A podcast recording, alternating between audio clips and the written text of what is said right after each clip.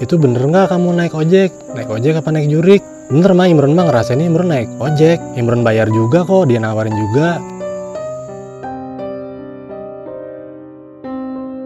Kemudian gue diputerin persis banget di depan kamar mayat RSAS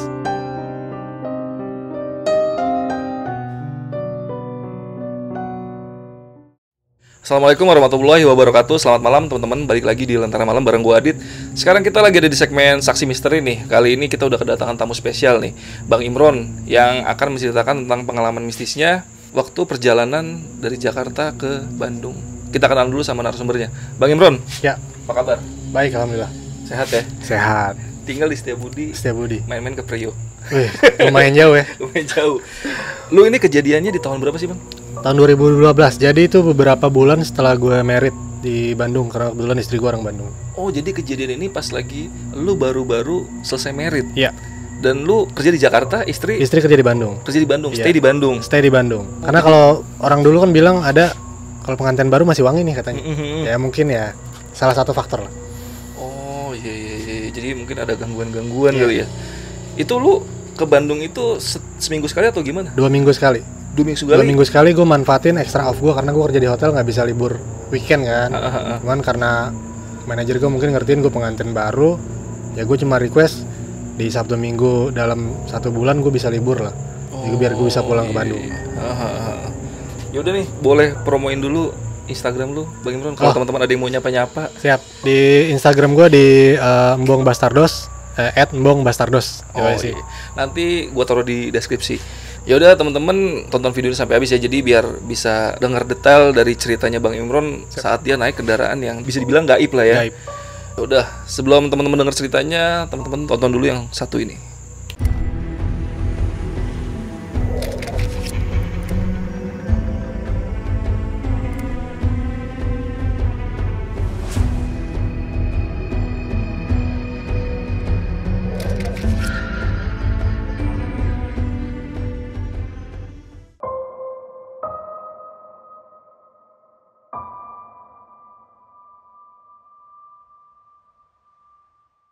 Assalamualaikum, selamat malam. Gue Imron. Malam ini gue akan bercerita tentang cerita mistis yang pernah gue alami di tahun 2012. Perjalanan dari Jakarta menuju Bandung ke rumah istri gue. Waktu itu gue masih kerja di salah satu hotel bintang 3 di daerah Jakarta Pusat dan posisi gue adalah sebagai supervisor front office. Singkat cerita, kebiasaan gue adalah tiap dua minggu sekali gue pasti bakal pulang ke Bandung untuk nemuin istri gue. Yang kebetulan adalah Istri gue kerja di salah satu perusahaan BUMN di Bandung dan gue kerja di hotel di Jakarta. Di mana hal itu juga yang bikin gue pisah selama 2 tahun.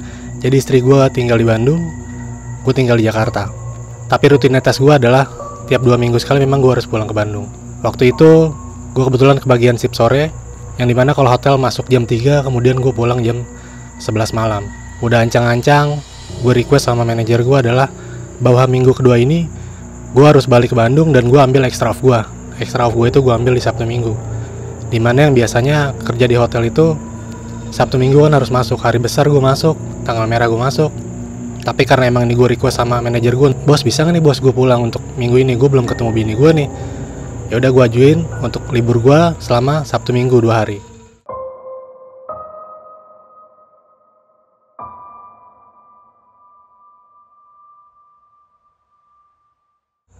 Waktu itu akhirnya gue udah dibuatkan jadwal bahwa untuk Sabtu Minggu tuh gue libur. Gue nggak mesen travel untuk Bandung karena biasa memang gue dadakan gue dapat. Gue santai aja. Pada waktu sebelum kejadian juga gue nggak ngerasain hal apa-apa, nggak punya firasat gimana-gimana ya seperti biasa aja lah. Cuman yang ada di hati gue cuma gue kangen pengen ketemu istri gue di Bandung karena gue memang nggak ketemu dua minggu lah. Di mana orang-orang biasanya pasangan baru, pengantin baru bisa ketemu setiap hari, dan gue ketemu dalam sebulan cuma dua kali. Itu pun sabtu minggu. Sabtu subuh biasa gue sampai minggu harus pulang lagi karena gue senin harus kerja. Akhirnya jam 11 malam pada waktu itu hari jumat memang saatnya gue udah pulang. Kebetulan ada ada salah satu ATM di samping hotel dan gue ambil uang di situ gue masih ingat 150 ribu. Dari hotel itu gue jam 11.15 akhirnya pada waktu itu ada taksi lewat gue naik taksi. Gue bilang sama supir taksi pak ke travel ini ya di daerah Semanggi gue bilang gitu. Oh siap kata dia. Akhirnya sampai di travel ke jam 12 kurang 15an lah. Sampai di sana ternyata gue nggak dapet tiket dan gue harus waiting list. Gue lupa bahwa hampir rata-rata menuju Bandung di hari Jumat itu pasti full. Entah itu yang sore entah itu yang pagi atau malam karena orang kerja pasti langsung pulang ke Bandung yang domisili di Bandung. Akhirnya gue waiting list gue nungguin selama kurang lebih 15 menit dan akhirnya ada satu orang penumpang yang nggak nggak datang dan gue bisa gantiin uh, penumpang tersebut. Gue bayar waktu itu uh, 80 ribu untuk travelnya. Gue bayar akhirnya gue naik. Nggak lama gue buka-buka handphone mainin handphone gue ketiduran. Ketiduran tahu-tahu tuh gue bangun udah di kilometer sekitar uh, 80-an gue bangun gue lihat handphone lagi gue sambil waktu itu masih pakai BlackBerry kalau nggak salah tahun 2012 sama handphonenya BlackBerry. Masih BBM-an lah gue BM bini gue gue bilang udah nggak usah tungguin tidur aja. Kalau tungguin juga nanti biasanya nyampe kan setengah tiga. Kamu tidur aja dulu gue bilang itu sama bini gue udah dan di situ di pinggir tol itu setengah tiga gue ngeliat ada uh, bapak bapak lah. Bapak bapak uh, sekitar umur 60-an dia pakai pakaian tani uh, celana pendek hitam baju hitam kaos oblong biasa sama topi itu kayak topi yang dirajut-rajut gitu sama megang cangkul. Dalam hati gue cuma mikir biasa. Oh paling petani gitu yang pergi ke kebunnya kah atau apa gitu. Karena kan itu di tengah tol di gunung kan tol Cipularang itu kan. Pikiran gue biasa. Udah akhirnya tuh keluar tol Pasteur. Travel gue berhenti di salah satu mall di daerah Pasteur. Dan penumpang lain itu turun di situ. Dan cuma gue yang minta turun di pool. Karena awalnya tuh gue pikir seperti biasa ini travel bakal turun di pool di daerah Ciamplas. Ternyata enggak travel itu malah turun di kolong uh, flyover Pasopati. Gue diturunin persis di bawah kolong flyover Pasopati yang kalau kiri itu ke arah Sukajadi arah Lembang dan di sebelah kanan itu ada rumah sakit RSAS uh, eh, Hasan Sadikin.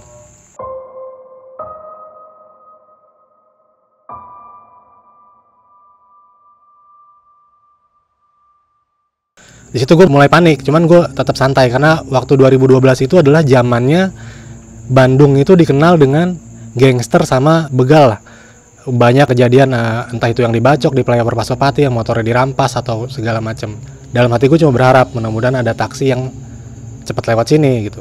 Sekitar 10-15an menitan kok nggak ada taksi? Gue yang mulai ini gimana gue pulang? Apa gue jalan kaki aja? Cuman gue takut nanti gue lagi jalan gue dibegal gitu kan. Gue yang tadi misalnya gue mikir gue mau ketemu istri gue malah gue nanti nemuin nemuin hal yang gak enak. Ya udahlah gue sabar aja.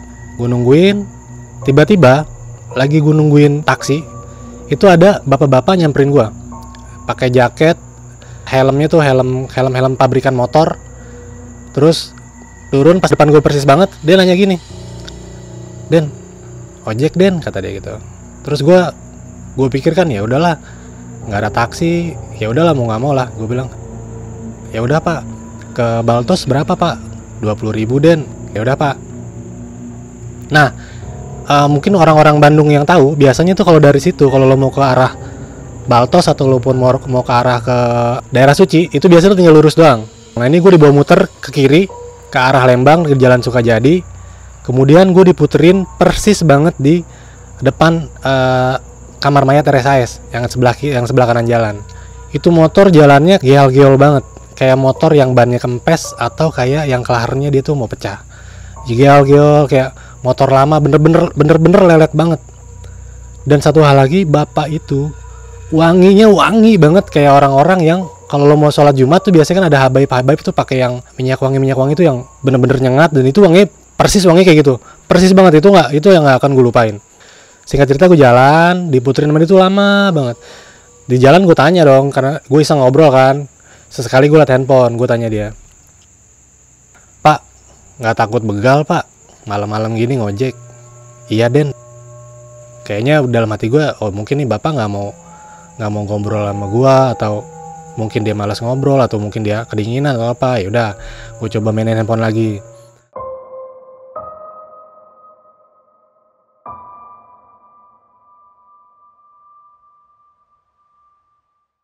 Gue lihat gue lihat lagi kanan kiri gue kok masih daerah si daerah sini juga nih motor jalannya lama banget. Dari Bandung tuh dingin jam setengah tiga. Itu dingin banget. Gue nanya ke bapak ini pak nggak takut masuk angin pak?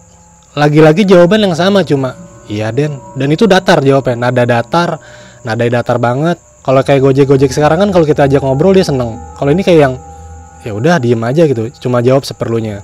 Akhirnya gue dibelokin ke arah flyover Pasopati naik kemudian turun gue dibelokin di kanan gue bilang pak turunnya di sana pak di depan Baltos. Gue bilang itu di depan mall Baltos.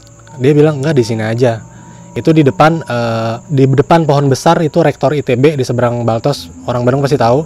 Dan di samping itu gedung rektor ITB itu besar. Dan memang memang pohon-pohon besar. Ya udahlah gue pikir ya udahlah mungkin ya orang udah tua mungkin dia mau langsung lurus kali ke arah Dago ya gue ya udahlah. Gue pikir ya udah gue turun di situ gue bayar dua ribu.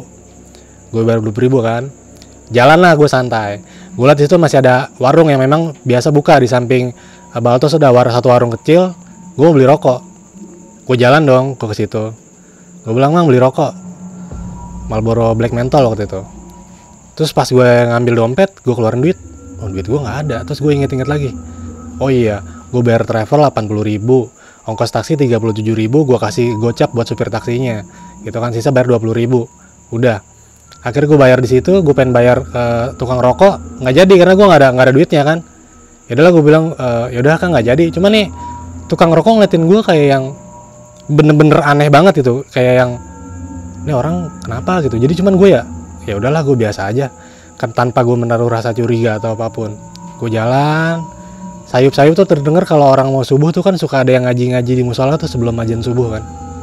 Suara ajan subuh tuh udah udah mulai ngaji-ngaji gue buka gerbang rumah bini gue gue ketok istri gue kaget. Maksud gue kagetnya gini dia bilang tumben banget sih nyampe sampai mau ajan subuh dia bilang gitu. Harusnya kan jam segini udah sampai terus gue bilang ya udah tadi macet. Terus naik ojek. Sholat subuh gue masih belum ngerasa ada yang aneh sama diri gue atau perjalanan gue sama sekali nggak ada. Yaudahlah bodo amat. Yang penting gue udah ketemu istri gue habis sholat subuh tidur sebentar bangun jam 8 pagi tuh sarapan. Biasa orang cuaca Bandung dingin kan habis sarapan gue pengen ngerokok karena memang gue pengen ngerokok gue lihat lagi dompet. Oh duit gue masih nggak ada. Gue waktu itu minta sama istri gue minta duit tuh buat beli rokok nih ke warung atas gue bilang gitu. Jalanlah gue ke warung atas. Ketika ke warung atas gue beli rokok. Si tukang rokok nih nanya sama gue semalam dari mana ah oh biasa baru nyampe dari Jakarta. Terus naik ojek lah. Cuman tukang ojeknya nggak mau masuk ke dalam sini jadi turunin di sana masih masih masih biasa lah dia ngeliat gue tuh. Cuman kayak orang kayak orang nggak percaya gitu. Kenapa ya kang? Enggak saya emang ngeliat si A jalan kaki. Gue jalan kaki dari mana? Orang gue gue pikir gue naik ojek gue juga bayar. Gue masih santai gitu kan gue pikir. Udah terus dia negesin lagi.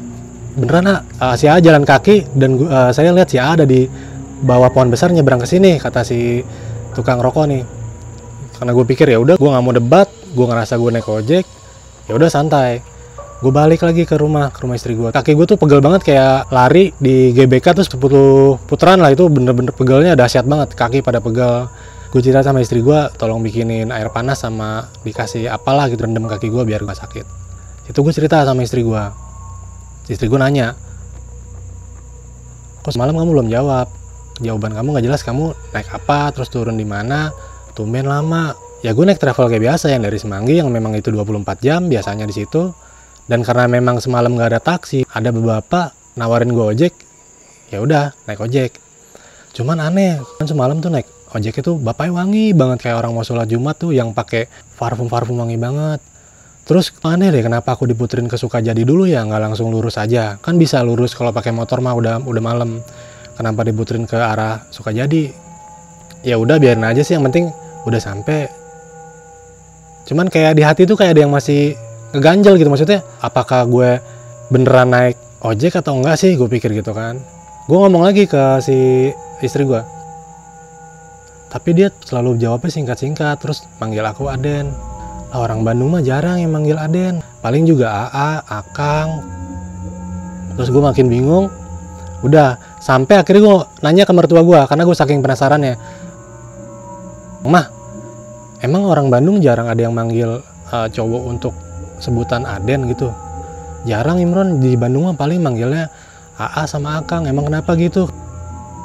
Ceritalah sama mertua dari awal dari Jakarta sampai gue turun di bawah flyover Pasopati itu. Terus kata dia gini itu bener nggak kamu naik ojek? Naik ojek apa naik jurik? Bener mah Imron mah ngerasain Imron naik ojek. Imron bayar juga kok dia nawarin juga udah habis itu gue jalan ke depan uh, ruang tamu gue masih mikirin apa omongan mertua gue bener juga apa itu gue bukan naik ojek entah itu makhluk halus kah gitu. Gue sambil gue berpikir bahwa itu jangan-jangan bukan ojek beneran gitu. Karena selama ini kan gue juga suka denger bahwa ada angkot hantu lah selama itu cuma jadi mitos yang pernah gue denger doang dan gue nggak pernah ngalamin.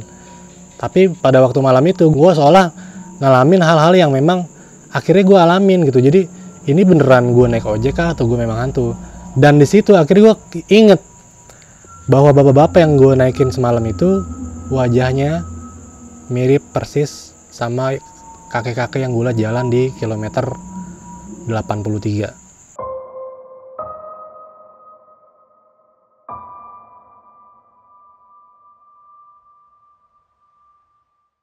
itu sama persis. Wajahnya keriput-keriputnya sekitar umur 62an itu sama persis. Bener-bener sama persis. Setelah itu gue biasa besokan harinya gue sakit. Sakit selama kurang lebih tiga hari. Cuman karena gue masih penasaran dengan apa yang gue alamin walau alam maksudnya ini gue bener alamin hal mistis kah atau enggak? Walau alam. Gue penasaran gue sampai googling. Penampakan hantu di Pasteur lah penampakan hantu di inilah. Tapi yang gue temuin adalah bukan berita tentang uh, hantu, tapi tentang kecelakaan di Pasteur seminggu sebelum gue ngalamin hal kejadian dan itu adalah kakek-kakek yang nganterin cucunya mau ke ke daerah Pasteur. Jadi dia kecelakaan ketabrak sama mobil, kakeknya meninggal, cucunya masih selamat kritis di rumah sakit RSHS. Dan sempat gue mikir bahwa apa emang bapak ini mau nyampein sesuatu ke gua, gue udah lewatin ke situ, terus mungkin ini loh cucu gue masih ada temenin gue lah ngeliat cucu gue walaupun cuma lewatin doang. Itu yang bikin gue merinding semerinding merindingnya dan mungkin pesan yang mau disampaikan ke gue waktu itu mungkin karena gue yang bengong kah atau apa kepikiran gue yang terlalu gue pengen ketemu istri gue tanpa gue gimana gimana dan gue mungkin turun di bawah flyover Pasopati juga gue bengong nungguin taksi. Mungkin jadi langsung si kakek ini nyamperin gue muterin gue di bawah muter di depan kamar mayat RSAS dan dengan jalan motor yang oblak-oblak dan ternyata kakek yang gue naikin itu puluh mungkin kakek yang tabrakan di pasar sama cucunya dan cucunya masih sekarat. Jadi cerita ini yang bikin gue sampai tiga hari sakit meriang bikin gue penasaran bahwa kenapa gue bisa ngalamin hal yang nggak pernah gue alamin dan biasanya gue cuma denger dari mitos-mitos teman-teman yang tadinya mungkin angkot atau kereta dan akhirnya gue alamin entah karena mungkin memang gue lagi bengong kah? Situasi pikiran gue lagi nggak tenang kah? Atau apa yang jelas? Pengalaman malam itu nggak bakal gue lupa. Dan sampai sekarang pun kadang kalau inget itu gue kadang masih penasaran. Cucunya itu selamat atau enggak itu aja cerita dari gue semoga bisa nemenin kalian semua di Lentera Malam. Terima kasih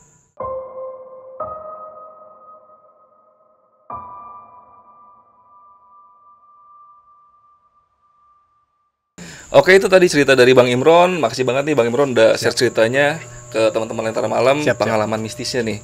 Sekarang gue mau tanya-tanya sedikit nih buat boleh uh, melengkapi cerita Bang Imron yang tadi lah. Pertanyaan pertama gini Bang Imron. Uh, ternyata itu kan kakek-kakek yang ngegonceng lu. Ya. Akhirnya lu sadar itu kakek-kakek yang mirip banget sama kakek-kakek yang di tol kilometer berapa tadi? kilometer 83 83. 83 Itu boleh tahu nggak sih kilometer 83 itu kilometer yang sering jadi kecelakaan bukan sih? Setahu gua sih memang sepanjang dari kilometer 83 sampai 97 Mm, mm, mm. itu memang kadang eh, rawan kecelakaan Oh. karena kan secara nggak langsung itu biasanya kalau kita bawa mobil tuh kayak nggak nanjak cuman sebenarnya itu dia nanjak Hmm. kalau arah dari Bandung ke Jakarta Iya, justru justru turunan Oh. itu yang bikin orang sering tabrakan karena jalurnya tuh enak maksudnya buat lo lagi lurus Iya, kenceng iya, agak iya. belok nah itu yang sering banyak kecelakaan sama angin Ah, ah, ah. kalau hujan tuh kabut juga tebel banget gue tadi agak nebak-nebak pas lagi lu cerita. Jadi kan ternyata akhirnya ketahuan kalau kakek-kakek mungkin mungkin ya mungkin Iya. kakek-kakek itu yang kecelakaan sama cucunya. iya Nah, lu kan pertama kali ketemu sama kakek-kakeknya itu kan pas di kolong flyover Pasopati, Pasopati ya. Dia tiba-tiba nongol di depan lu. benar banget Pas di situ lu sempat ngelihat mukanya jelas banget. jelas Itu Dia- dia- boleh nggak sih deskripsiin lagi ibaratnya kayak rambutnya atau Jadi gini, kalau gitu? kalau rambut gue nggak ngeliat karena dia pakai helm pabrikan tuh yang model helm halves cuman pabrikan lah. yang Honda kali ya? Ya Iya, benar-benar. Nah dia tuh keriput, kumisnya eh sorry kumisnya dia agak-agak putih, Mhm. terus kayak su seumuran 62 dan wajahnya juga gue nggak nggak mikir kayak dia misalnya kalau orang kan mungkin ketemu hal-hal gitu bilang wajahnya pucat lah atau ini nggak yang kayak orang kayak orang biasa aja. Yang Jadi gue juga nggak yang naruh curiga. Gue pikir juga kan ya udahlah daripada nggak ada taksi, udah gue naik gojek aja. Gua- Hmm. Cuman yang anehnya adalah dijawab cuma seperlunya. Seperlu Iya, cuma iya den, iya den, nggak ada kata lain. Selain kata iya Den Iya itu. den, bener. dan eh, sempet lu dibelokin ke daerah rumah sakit Hasan Sadikin, RSIS. Saya dikit. Ya. Padahal kalau lu mau ke tempat lu itu harusnya nggak perlu lewat Nggak perlu, tinggal lurus doang, ngaclep, nyampe belok kanan. Dan itu lu menduga-duga kalau kakek-kakek itu pengen mampir di mana tempat cucunya yang sekarat itu dirawat ya. Iya, feeling gua. Mungkin dia mau menyampaikan pesan seperti itu. Ha, ha, ha, Mungkin ha. nih mungkin cucu gua ah, masih ada di sini dirawat gitu mungkin ya. Karena yang di berita itu cucunya itu dirawat di situ. Iya, dirawat di RSIS karena memang rumah sakit paling dekat dari Pasteur ya itu, Hmm. RSIS. Dan itu kejadiannya seminggu sebelum lu naik ojek itu. Betul, Kemungkinan besar cucunya itu masih ada di kemungkinan besar, itu ya. kemungkinan. Karena kalau baca berita pun cucu, cucunya sekarat doang sih yang meninggal justru kakeknya. Sekarat, tapi lu nggak tahu akhirnya meninggal atau tahu. gimana. Tapi dalam kondisi kritis lah ya. Iya. Nah, kritis. lu sempet nggak pas jalan itu kan motornya ogel-ogelan ya? Iya. Lu sempet nggak ngeliat motornya itu merek apa gitu? Kalau untuk motornya tuh gue nggak nggak sempat ngeliat apa, cuman yang jelas kayak motor motor-motor jadul kayak misalnya tuh eh, Astrea Prima kayak Hmm. gitu loh kayak yang jadul banget lah. Iya iya iya, angkatan-angkatannya Astrea lah ya. Iya. Itu Gitu. dua tak apa empat tak? Empat tak. Empat tak. Empat tak. Bunyi berarti eh empat tak itu yang Yang nggak bunyi, bunyi ya? Iya. Iya, iya, iya, Empat. iya. Cuman itu memang jalannya kayak kayak loban kempes, lo paksain jalan, ya gitu gial-gial. Cuman gue pikir kan ya udah mungkin ini kakek-kakek nggak bisa ngerawat motor, ya dia adalah. Gue pikir ya udahlah. Yang penting gue sampai, gue nggak mikir yang macem-macem. Iya, ya udah iya. gue naik aja.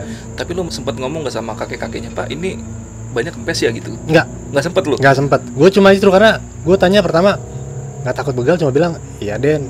Nggak takut masuk angin, iya den. Maksudnya jawabannya nggak nyambung sama pertanyaan gue. Iya iya. ya gue pikir ya udahlah daripada gue lanjutin omongan gue ngobrol kayak nggak antusias ya udahlah yang penting kakek ini fokus aja di jalan toh udah tua Iya, karena nadanya mirip kayak orang yang nggak mau diajak ngobrol Iya, ya. bener banget Iya iya iya. Dan di Bandung itu tahun 2012 itu ya. 2012 Musim-musimnya begal. begal sama gangster motor dan itu flyover Pasopati terkenal banget banyak yang dibegal Iya, makanya setelah kejadian itu ada dibikin uh, patroli polisi di situ ada pos kalau nggak salah di atas flyover tuh Iya iya karena gue juga pernah dengar berita yang di flyover Pasopati itu yang cewek kalau nggak salah mayatnya dibuang atau diseret gitu. iya Diseret iya ya, diseret Pernah denger nggak ya? iya cuman itu bukan di bukan di Pasopati di ke mananya gitu Oh. jadi yang dia alasannya ketangkap karena rambutnya ketarik di rantai Iya, kan ya iya. Ah, Iya. betul betul betul. Iya.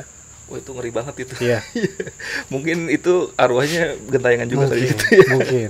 Nah buat yang pertanyaan berikutnya nih, gue pengen nanya, lu kan sempat ngobrol sama penjaga warung ya, Iya. yang kata lu mau beli rokok tapi ternyata duitnya habis ya. Iya. Lu terakhir ke Bandung kapan? Baru minggu kemarin, Minggu kemarin. minggu kemarin. Pedagang itu masih ada di situ nggak? Jadi kalau pedagang di sana itu kayak eh, lo sip-sipan.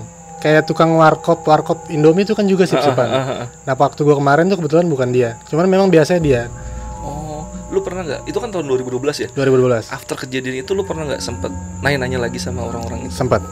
Ada nggak cerita-cerita dari orang-orang itu gitu? Dia cuma tetap sama. Dia bilang, gue jalan kaki, gue nggak naik ojek. Dia cuma ngeliat gue nyebrang dari kolong ke depan rektor ITB di bawah pohon besar, gue nyebrang lagi ke warung. Sama jawabannya sama persis. Itu jaraknya kalau lu jalan kaki dari tempat lu naik ojek awal, kira-kira berapa kilo? Kalau jalan kaki itu paling setengah jam lah. Setengah jam. Karena kalau naik motor aja itu cuma 10 menit nyampe. 10 menit. Karena cuma lurus doang, turun ke bawah, belok kanan udah sampai. Oh, 5 kilo ada apa berapa kilo sih? Kurang lebih 10-an lah. 10 kilo. 10 kilo ya. Oh, lumayan juga ya. Lumayan. Men- mungkin kalau gue sih kayaknya emang bener sih kayaknya lu naik ojek gaib sih. Karena kan lu pas besoknya ngerasain kalau kaki lu itu Kaki gue sakit banget. sakit banget Sakit ya. banget. Lu nyium kayak bau bau bangke gak sih? Gue justru dari pertama gue dateng, Iya. gue tadi sempat bilang, gue nyium bau bunga sedap malam. Iya. Terus gue sempet nanya tadi sama Diana sama Mbak April, siapa yang bawa pakai kerudung putih? Tadi gue nanya, gue merinding nih. tadi yang ketika awal mau tag juga gue bilang sebentar ya kenapa gue gelagapan? Karena gue ngeliat. Ya udah gue bilang ya udah gue diam dulu gue minum. Agak potong sedikit ya teman-teman. Ini di sini gue barusan pas dia kita lagi ngobrol-ngobrol ini nyium bau bangkai gitu. Ya. Nyium nggak bau bangkai ya? Kecium ya? Lu nyium juga? Nyium. Ini kiri gue kiri gue kiri gue berasa banget. Kiri lu berasa banget? Kiri gue berasa banget. Kiri gue berasa banget. Waduh. Sedikit info Mas Imron ini emang agak sedikit sensitif ya? Sedikit. sama hal kayak gitu ya? Ya Waduh, cuman dari cuma dari buyut sih. Cuma waktu itu waktu gue tidur waktu kecil dia sempat ngomong ke bokap atau siapa bokap nggak salah. Mm, mm, mm. itu si Imron tolong jaga karena telapak tangannya beda kata gitu. Oh. Cuma gitu doang. Cuman gue ya gue pikir ya udahlah gue gue yang biasa aja. Cuman setelah gue lihat teman-teman gue orang-orang lain emang telapak tangannya beda sama gue semua garisnya gitu. Oh telapak tangannya beda lu garisnya. Oh ini ya? Ya oh iya nih. Ini baunya hilang lagi nih. Ya dua nyium kali. Di situ cium nggak? Cium nggak sih? Nggak Nyium. Sekarang sedep ma- sedep sedep malamnya justru yang kental banget. Iya nih keluar lagi nih. Bunga bau agak wangi nih ya. Iya. Ini beneran nih teman-teman. Ini bukan gimmick ya nih Iya, sumpah demi Allah ini gue gue nggak bohong. pertama kalinya kita ngalamin kayak gini nih. Shoot di sini nih. Makanya tadi dari awal gue bilang siapa yang ada yang bawa nggak nih? Pakai kerudung putih. Tadi gue nanya gitu. Kerudung putih itu maksudnya? Copong.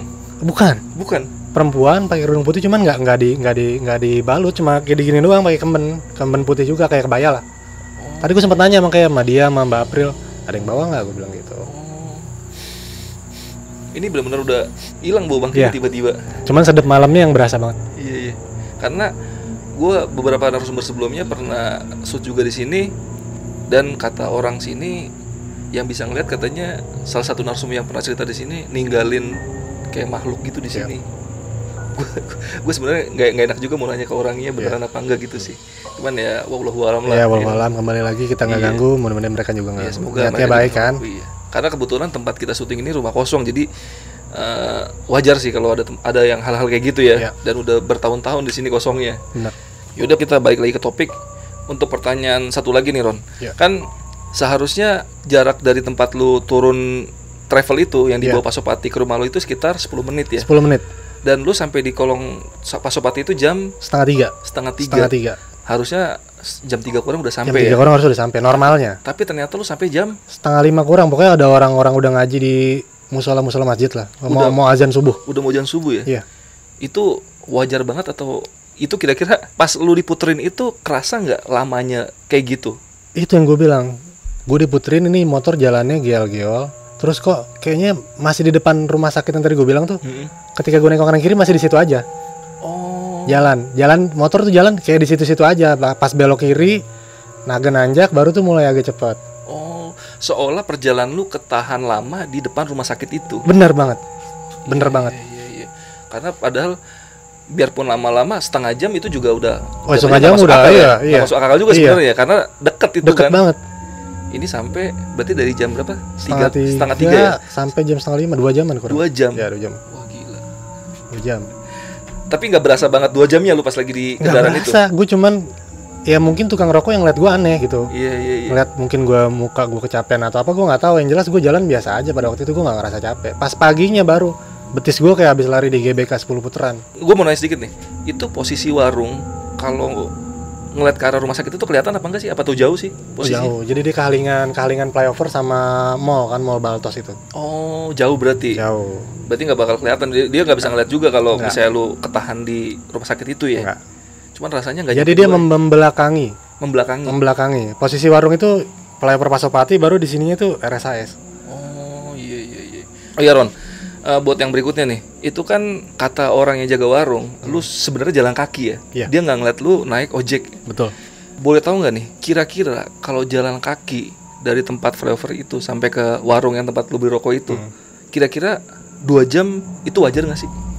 dua jam kurang lah kurang lebih karena itu gue kan ke arah Sukajadi itu agak nanjak ke arah Lembang Mm-mm-mm. Jadi jalan dulu kalau gue walaupun jalan ke atas, balik lagi gue muter ke bawah, gue belok kiri lagi naik flyover lagi, turun, baru gue belok kanan ya kurang lebih lah kalau jalan yang bener-bener santai ya segitu. Oh, Satu jam setengahan lah. itu kalau pakai rute ojek itu. Iya, Kalau pakai rute biasa lu lurus aja Setengah jam 40 menit. setengah jam 40 menit Iya. nggak nyampe dua jam. Nggak nyampe. Berarti kemungkinan besar emang lu kayaknya jalan kaki ya. Kemungkinan. Walau halam. Karena lu juga ngerasain kaki capek banget ya. Capek banget. Lu mungkin nggak biasa jalan kaki kan. Bisa Jauh jalan kaki. jadi pegel-pegel ya. Pegel. Tapi setelah kejadian itu pas lu lu di Bandung berapa lama tuh di situ? Dua hari. Dua hari doang. Dua hari. Sempet nggak ngalamin kejadian-kejadian mistis lain pas di situ? Enggak. Cuman itu aja gue bilang. Abis gue sakit kaki, itu gue meriang. Meriang. Meriang. Itu gue tiga hari meriang. Heeh. Itu sampai gue nggak masuk kantor. Oh iya, kan tadi gua pas lagi off cam sempat ngobrol-ngobrol sama si Imron nih. Yap. Lu punya kisah mistis juga pas lagi di hotel ya? Kerja di hotel. Kerja lu itu sama saat lu 2012 itu gak sih? Dari 2009 sampai 2019 gue. 2019 Ya. di hotel yang sama. Di hotel yang sama. Berarti lu pas lagi ke Bandung itu masih kerja di situ Masih ya? kerja di situ. Dan hotel lu lumayan mistis ya. Lumayan. Banyak. Mungkin lain kali lu bisa cerita tentang eh, kisah lu di hotel itu ya. Karena banyak banget tadi gua pas off cam sempat diceritain sama Imron tuh banyak banget kejadian-kejadiannya ya. Ya. Dan ada sejarah sebelum apa namanya? Hotel, itu dibangun. ya. Benar. Dan itu menjadi salah satu tokoh mistik yang terkenal Yang ada di hotel situ itu. dan selalu ganggu di lantai 7.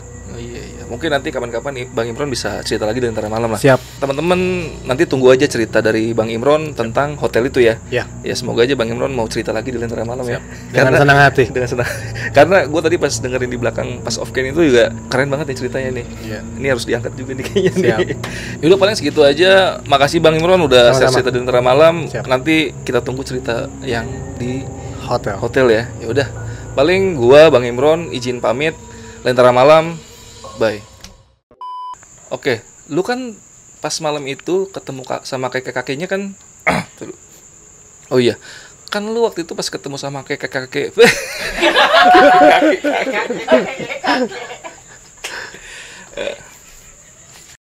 Lu ada yang mau dipromoin gak Bang Imron? Eh, nggak ada. Nggak ada. Nggak ada. Oh iya, berarti ntar itu dikat aja. Eh,